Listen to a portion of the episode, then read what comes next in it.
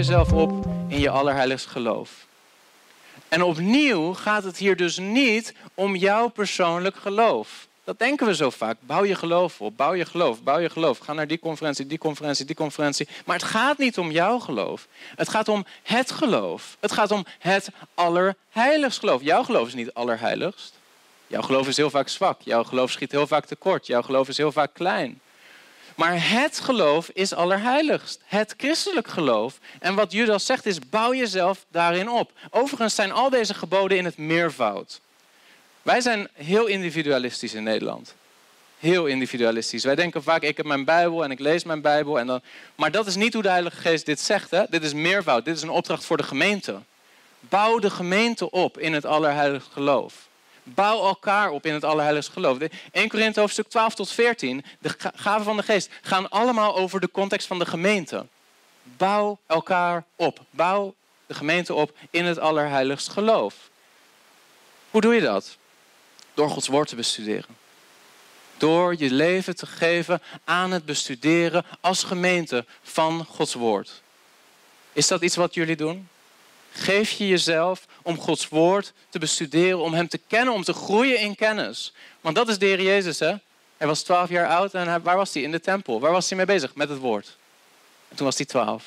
Geef jezelf, lieve broeder, lieve zuster, lieve jongeren, als je hier zit en je hoort dit. Geef jezelf aan het bestuderen van Gods woord.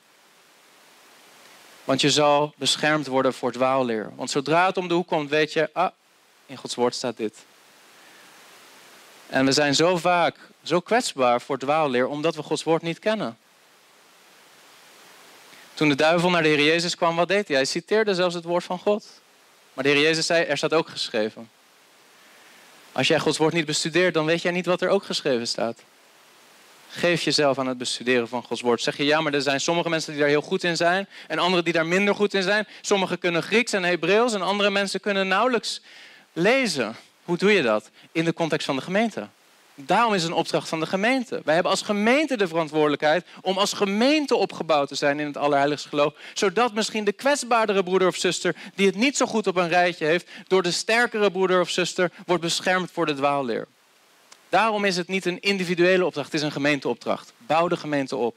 Het is een opdracht voor de ouderlingen, maar ik zie dit ook als mijn opdracht in de Romeinse kerk. Om te werken in het woord van God, zodat ik daar op zondag sta en niet mijn mening aan het brengen ben, maar Gods woord. Mensen hebben mijn mening niet nodig. Echt niet. Mensen hebben Gods woord nodig. Heb je iets aan deze video? Druk dan op like, dan zullen meer mensen deze video zien. En wil je vaker dit soort apologetische video's zien? Abonneer je dan op dit kanaal. God zegen.